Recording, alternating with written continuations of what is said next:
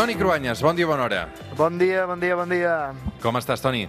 Bé, mira, m'acabo de prendre el cafè, ja ho veus, eh? Estic a, a punt per aprofitar el diumenge. Despertant-te. Aquesta setmana la cosa anirà d'economia, eh, per una banda pels pressupostos, però, però sempre que parlem d'economia també acostuma a ser per donar males notícies, eh, Toni? Sí, a veure, jo crec que aquesta setmana ens hem de fixar a les dades de la inflació. Mira, als Estats Units ha pujat un 6,1% en un any. És una xifra que no es veia des de feia molt de temps. A Espanya, l'índex de preus al consum, que és el que marca aquesta inflació, si n'hi ha o no, és d'un 5,4%. Eh, Alerta, és la dada més alta dels últims 29 anys. Els preus pugen per l'augment de l'electricitat i també del combustible. Justament, la la setmana passada parlàvem del cas de, del gas d'Algèria. Bé, l'energia, com que és un bé escàs, està pujant de preu i això està estirant cap amunt els preus de tot. A veure, portem molts anys amb una inflació molt baixa i, i potser per això, sobretot els més joves, però vaja, estem parlant de 29 anys, per tant, molta gent ni s'imagina el poder desestabilitzador que té la inflació. Avui amb el Toni Cruanyes parlem d'economia, parlem de la inflació. We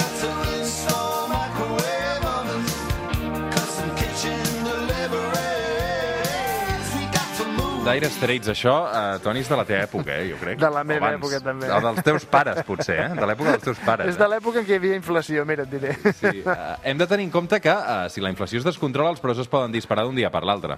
Sí, és com un joc de, don, de dòmino, no? És a dir, si no hi ha estabilitat als preus, es desmunta tot el sistema, els salaris, els lloguers, la seguretat de, de l'abastiment dels aliments... Eh, eh, tot això podria ser culpa d'una inflació desbocada. I, de fet, va ser a cavall d'una hiperinflació que Alemanya va créixer el suport per als nazis. meine Arbeit für richtig hältst. Ob du glaubst, dass ich fleißig gewesen bin. La situació d'ara no és ni molt menys la d'Alemanya de fa 100 anys, per això. No, no, no és comparable. Mira, l'any 1923 el salari d'un alemany s'havia multiplicat per 500 respecte al de feia 10 anys. Però és que el cost de vida s'havia multiplicat per més de 1.000. Clar, aquestes són dimensions estratosfèriques, eh, comparades amb l'actualitat.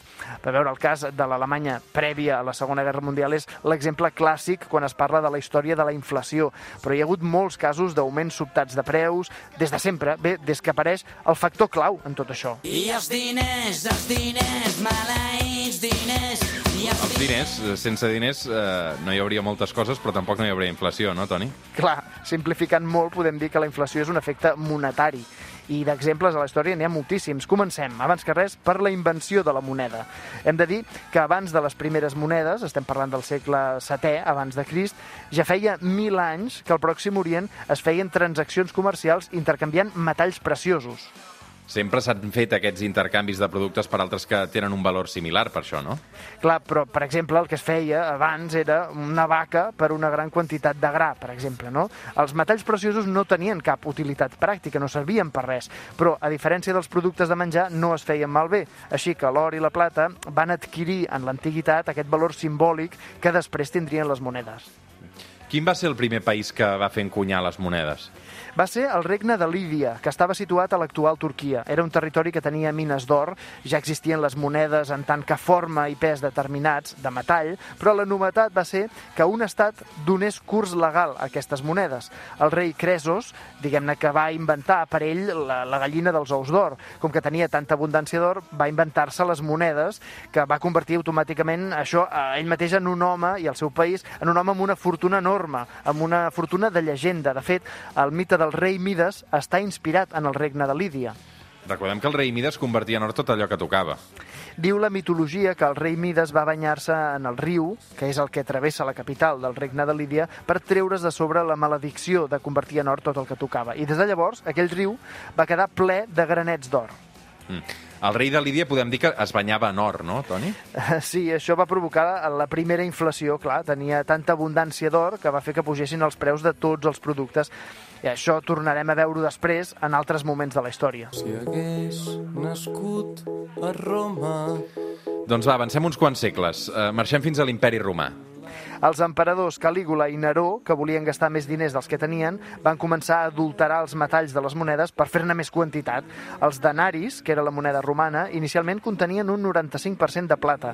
Neró va adulterar-les en bronze. Els comerciants llavors se'n van adonar i van començar a pujar els preus per mantenir el valor real de les mercaderies. I aquí ja tenim una inflació que provoca revoltes i provoca guerres. Un emperador posterior, Dioclesià, va ser segurament el primer governant de la història que va idear i que va aplicar un pla antiinflacionari. Estem parlant de l'any 301 després de Crist. Es coneix com l'edicte de preus de Dioclesià, que era bàsicament una llista de més de 1.000 productes amb un preu màxim fixat per ordre de l'emperador. A veure, tot i que va incomplir l'edicte, eh, és a dir, que incomplir l'edicte portava a la pena de mort, la veritat és que allò no va funcionar. Els productes més preuats desapareixien, van seguir pujant els preus, es va crear un mercat negre tot il·legal, sense control de les autoritats. No va funcionar. Avancem, canviem de segle i de continent. Segle XVI, arribada de Colom a Amèrica. Amb la troballa i l'exploració de les mines d'or i de plata del Nou Món, va tornar-hi a haver una onada internacional d'inflació a Europa. Com que hi havia més metalls preciosos, es podia fabricar més diners, per tant es va deslligar la moneda que hi havia en circulació de l'equilibri amb la producció i això va provocar una pujada de preus indiscriminada. Un economista francès, Jean Baudin, en aquella època, ja va elaborar la teoria de la inflació, vinculada al que avui en diríem política monetària. Sóc I de Colom a Colomo. Avui acabarem amb Joan Colomo, amb aquesta cançó que es diu El diner. Des de Cristòfor Colom fins ara s'ha complicat molt, eh? ho hem simplificat. Avui hem fet una explicació simple del que és la inflació, però em temo que tornarà a ser tema d'actualitat, o sigui que segur que en tornarem a parlar, Roger. Toni Cruanyes, bon diumenge, una abraçada. Una abraçada.